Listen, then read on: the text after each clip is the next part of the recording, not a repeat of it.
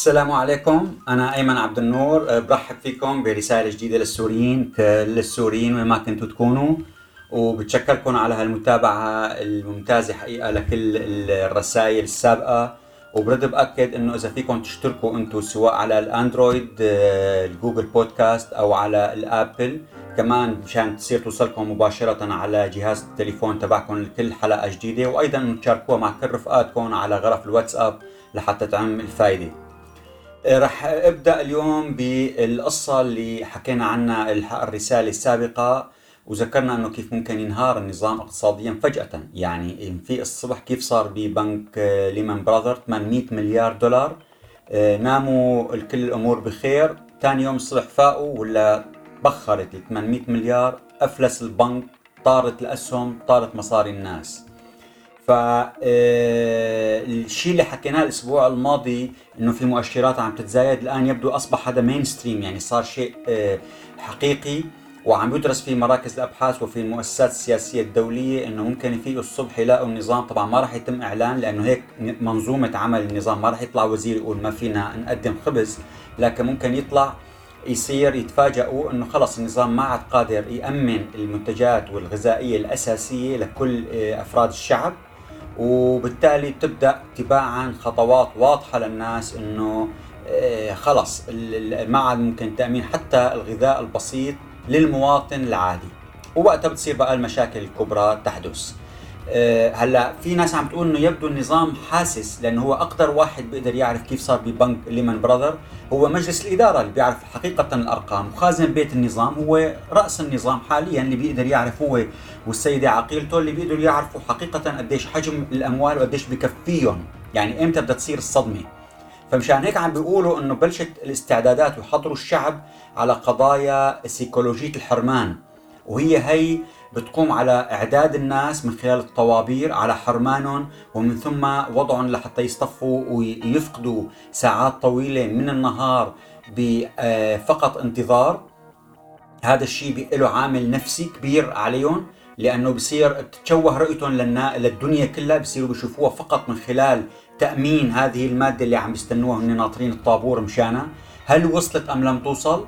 هل إذا بتلاقي صار عنده مثل فرح إذا حصل على تلك المادة التي ينتظر أن يحصل عليها بعد ساعات من الانتظار في ذلك الطابور آه بعدين بتلاقي صار كل ما عاد يهمه أي قضية وطنية أخرى ما عاد يهمه أصلا كل قضية الموالاة ومين الحاكم ومين النظام ومين هدول المعارضة وهجموا علينا ما بعرف دولة كذا ما عاد شايف شيء هو همه صار مركز على تأمين هذه المواد الغذائية والنجاح في سعيه فيما ير فيما يصبو إليه من خلال انتظاره في ذلك الطابور، اذا هي عملية سيكولوجية نفسية عم بيتم إعداد الشعب السوري عليها لتنقطع يوما ما.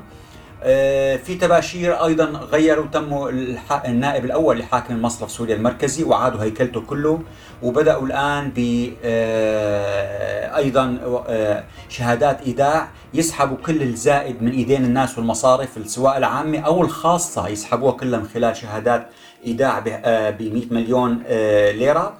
ويبدو واضح إنه راح يخففوا الكتلة النقدية المتوفرة بالسوق.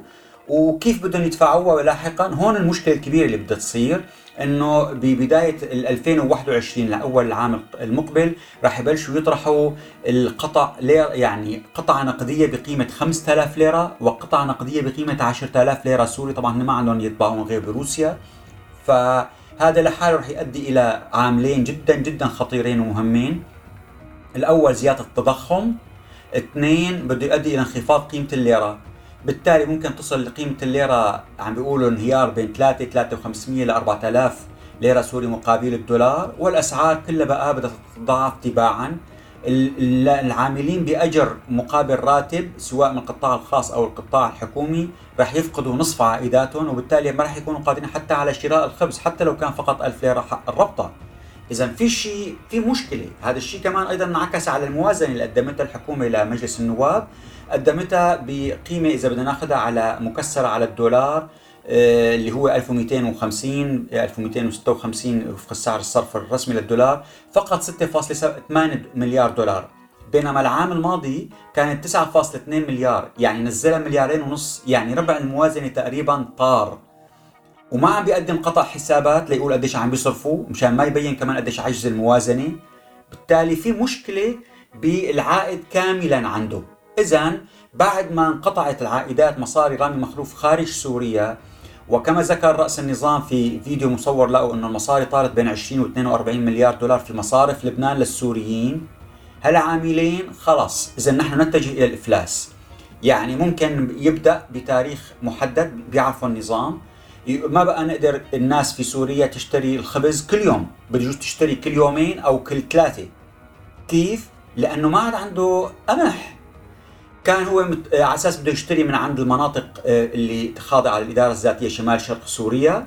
لكن صارت عنده مشكلة آه، حق السعر العالمي للكيلو القمح بحدود ال 210 دولار بسبب آه، كلف سيدة مشهورة في منطقه الجزيرة إنه هي تأمن له اياه من خلال علاقاتها مع الإدارة الذاتية. نتيجة الرشاوى والوسطاء وتكاليف الشحن ارتفع سعر الطن ل 280 دولار وبده يدفعهم بالدولار. بينما هو قال لا أنا هيك ما توفي عم يخسر بالدولار عم يدفع 70 دولار بين رشاوى ووسطاء وشحن لا أنا بستوردهم من برا ب 210 مشان هيك أعلن مناقصتين 150 ألف طن و200 ألف طن ليستوردوها من منطقة البحر الأسود يعني من روسيا. لكن المشكلة اللي حطها إنه بده يدفع بالليرة السوري. كيف؟ معناتها بده يجبر بعض رجال الأعمال اللي هن وجوه للنظام يشتروها هن بالدولار من هنيك يشحنوها يسلموه إياها يبيعها يقبض حقها بالسوري يدفع لهم حقها بالسوري. بس في مشكلة كثير كبيرة إنه هدول بين بين ما يشتروها ويشحنوها وتوصل للمرفأ تبع التسليم ويعملوا لجان التسليم ويستلموها راح يكون نزل سعر صرف الليرة السوري وبالتالي صار خسارة كبرى عندهم لدول رجال الأعمال. أكثر بكثير من السعر اللي هن متفقين عليه. لذلك ممكن بتلاقي في منهم يجوز يبطل أو يروح آخر قبل بيومين ثلاثة من وصوله للمرفأ. يحرفها ويبيعها بدولة أخرى. إذا في مشكلة الآن ما عنده غير مخزون لشهر. كل شهر بشهره عم بيقدر يأمن مخزون للقمح.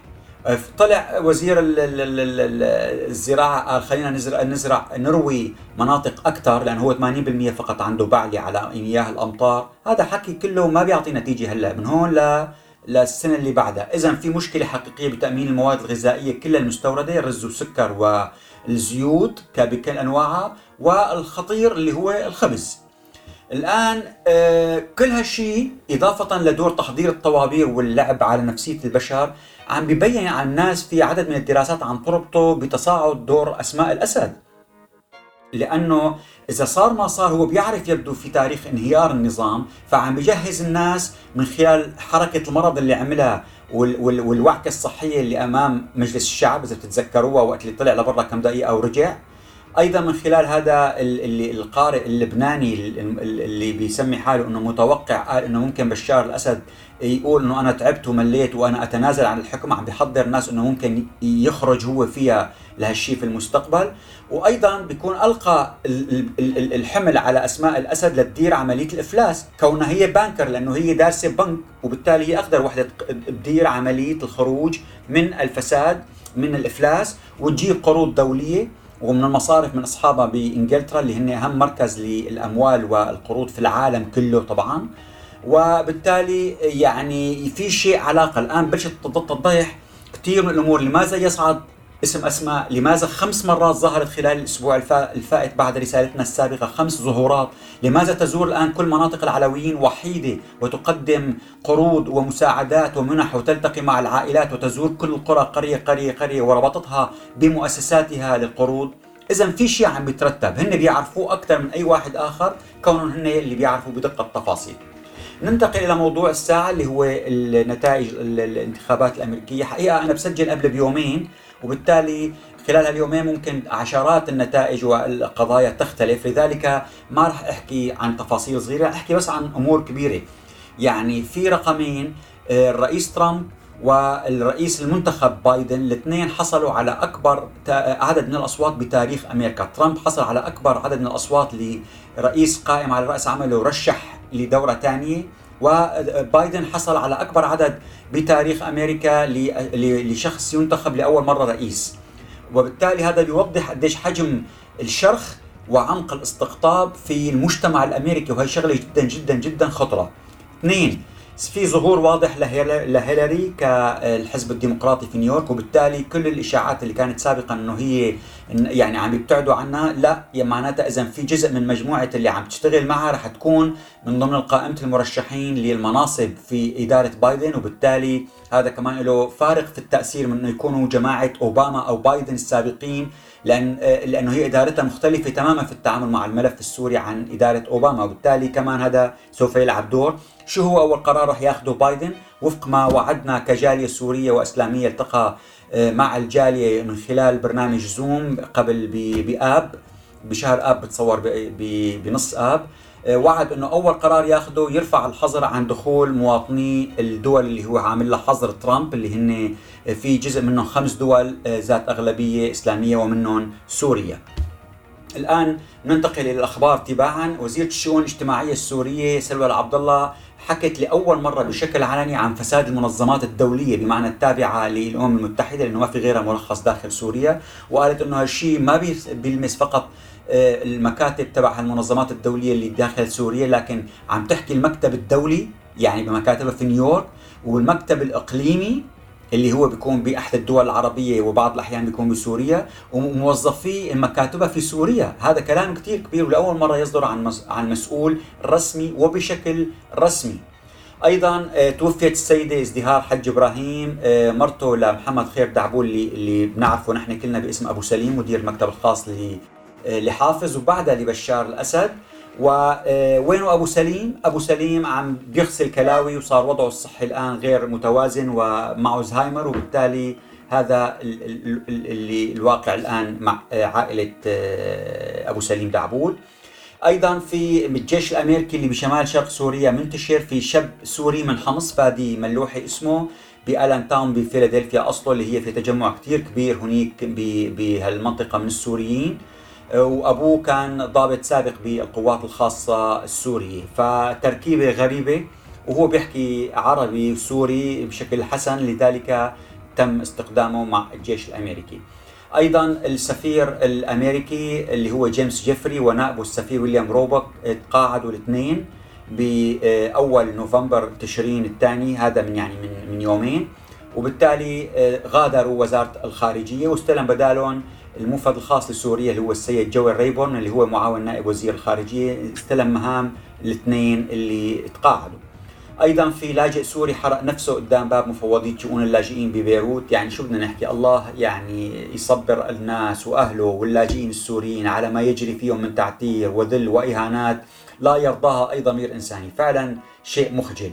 تم تم تم انقاذه وأخذوه على المشفى والله يشفيه ويعني ويشفيه من كل هالجروح، جروح القلب اللي هي أخطر وهي جروحنا وجروحكم، جروح روحنا أقسم بالله تعبنا. والله تعبنا. يعني يعني ما بعرف شو بدي عم منهكين تعبانين محبطين. الله يكون معنا ويقوينا ويصبر الناس اللي الساعة صابرة وعم تقدر تقدم. وجزاء الله خير لكل الناس لسه اللي عم تقدر تقدم وتساعد الشعب المظلوم المكلوم في كل مخيمات داخل سوريا خارج سوريا في بلاد اللجوء. الله يقويه. أيضا وصلت أول دفعة من اللاجئين السوريين للمكسيك اللي هن 40 عائله مسجلة كانوا مع منظمة الأمم المتحدة للاجئين ال UNHCR. طبعا هدول إجوا من تركيا وكانوا بعدة مدن من تركيا وبنعرف شخصيا عائلتين منهم كانوا موجودين في أنقرة. أيضا في اللي يعني صار في ملاحظات عم تتراكم يعني صار في مثار تساؤل إنه في ثالث مدير عم بيتغير لمؤسسة سورية ذات علاقة بعقود مع روسيا بعد ما رجع الوفد السوري من موسكو بدون حصوله على قروض اللي كان بيرأسه منصور عزام وزير رئاسة الجمهورية. وهو الآن الشخص الأول اللي كان تغير هو مدير شركة الفوسفات الشخص الثاني اللي هو كان مدير عام الشركة السورية للغاز هلا من يومين تغير مدير عام المؤسسة العامة للنفط وعين الدكتور نبيه جرجس خرستين اللي هو من صافيطة من طرطوس وطبعا هو من خريج موسكو ودارس بموسكو بيحكي آه، روسي. أيضا الملاحظة اللي صارت إنه ال ال ال الإيرانيين بلشوا يتغلغلوا ويكبروا نفوذهم بحلب رجعوا افتتحوا آه، مسجد النقطة المشهور وعملوه مزار آه، لصخرة سموها الصخرة المهمة اللي تتضمن نقطة من دماء الإمام الحسين. وحفيد آه، الرسول العربي محمد آه، صلوات الله عليه وبالتالي يعني في في في شيء معناتها عم بيحضروا ليكبروا النفوذ ويكبروا المزار وينتقلوا لأماكن أخرى داخل حلب. مين هن الناجحين؟ محمد إياد الكردي الصحفي السوري الحلبي ال 31 عام اللي بيعمل مع ال CNN فاز بجائزة ال Emmy Award بالأمريكية عن تخطيطه للعملية التركية نبع السلام. وبنقول له كمان ألف مبروك. أوركسترا ناي اللي هي بالنمسا عملت مسابقة صوتك بيوصل ونظمتها السيدة ماري تيريز كيراكي. وفاز فيها أندري سكر شمس أبو ديكار بالمركز الثاني لاميتا ايشوع بالمركز الثالث حيان جريرة. وأيضا حصل على جائزة لألاء شاهين وجيني غربي من جائزة لجنه التحكيم. وبنشكر السيده ماري تريز وبنقول مبروك لكل اللي فازوا. أيضا مجد دغمش كمان يبدو عم بيبدع بشركته اللي هي اسمها شام دام يعني من الشام دمشق. ومن دام اللي هي أمستردام عاصمة هولندا اللي هو بيقطن فيها وصار ملك بسموه ملك الجبنه السوريه، ملك الجبنه السوريه مو الجبنه الهولنديه، بس عم يستفيد طبعا من الحليب الرائع جدا إنتاج البقر الهولندي. بنقول له ألف مبروك والله يعطيك العافية ومزيد من النجاح لك ولكل اللي مثلك. وإن شاء الله كلهم ببدعوا بكل الأماكن في أوروبا ليوصلوا صورة السوري الرائع اللي بنفتخر. افتخروا مشوا راسكم عالي جدا. أيامنا سوف تأتي السوري سوف يعود. وسوف يعود مطهرا من كل الأوساخ اللي كانت فيه لأنه النار بتطهر وبتعيد للمعدن نظافته وصلابته الأصلية وبتقويه وبتقسيه. ونراكم الأسبوع المقبل. شكرا لكم.